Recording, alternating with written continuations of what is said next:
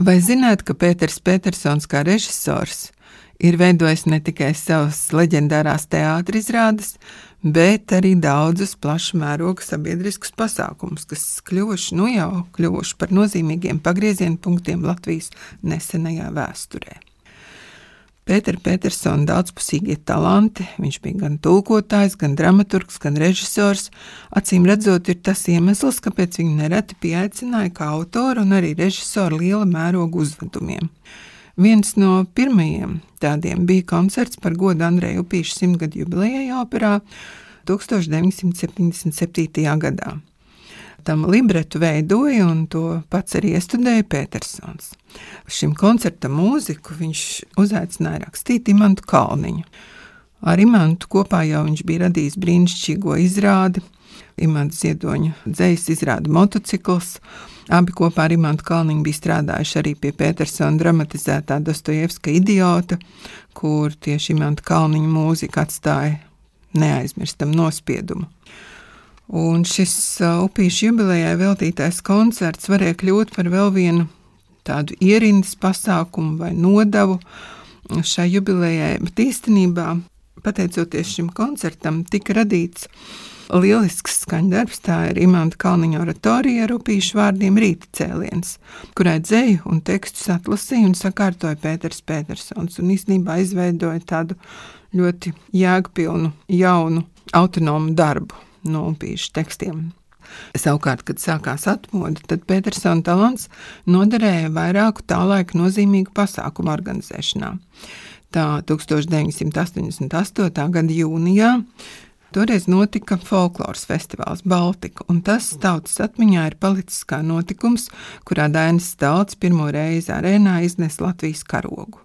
Un faktiski jāsaka, ka visa festivāla norise toreiz Rīgā un Ogrē tas bija kā svaigs ūdensmalks, kas cēla un vienoja cilvēkus ap folkloru. Un šī saviņojošā notikuma veidotājs bija Pēters Petersons. Tad ejam tālāk vēsturē.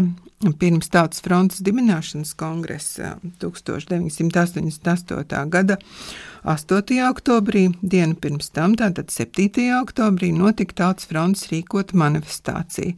Un pēc šīs manifestācijas ļaudis devās uz meža parku, un tur dziesmu svētku strādē, ko pildīja kori, notika liels koncerts ar atmodas līderu un valsts amatpersonu uzrunām.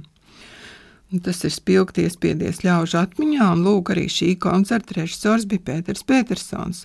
Toreiz viņi kopā ar Vili Krūmiņu, viņš vadīja to brīdi dabas muzeju, un uh, muzikologu Arnoldu Klotiņu bija izveidojuši repertuāru un runātāju sarakstu, kā arī rūpējās par koncerta norisi turpat uz skatuves tādā kā vadības grupā.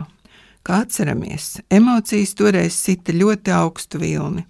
Senākušie cilvēki kāri tvēra katru runātāju vārdu, bet dziesmas dziedāja līdzi. Un man tēva papīros vēl ir saglabājusies lapiņa ar koncerta norisi un ar visām viņa piezīmēm. Vēl viens nozīmīgs mirklis Latvijas vēsturē, kam Petersons ir pielicis savu roku, bija 1990. gada vispārējie dziesmu svētki. Un tie bija svētki, kur pirmo reizi pēc ilgiem gadiem repertuārā vairs nebija jādod nodevs dziesmām par Leņķinu vai padomju skaņdarbiem. Turklāt šajos svētkos pirmo reizi plaši piedalījās arī trimdas kolektīvi. Petersons bija šo dziesmu svētku režisors, un es atceros, cik brīnumaini toreiz ieskanējās trimdas koru iekustinātie zvaniņi. Jā, runcim vienmēr ir piemitusi laba mēroga un telpas izjūta, spožs inscenētāja talants, taču šajos lielajos pasākumos viņš nu gluži nevarēja atļauties tā vienkārši izsaukt savus tās aprautās un pusvārdos formulētās komandas, kā to bija pieredzējis darīt teātrī, kur kolēģi viņu patiešām uztvēra no pusvārda.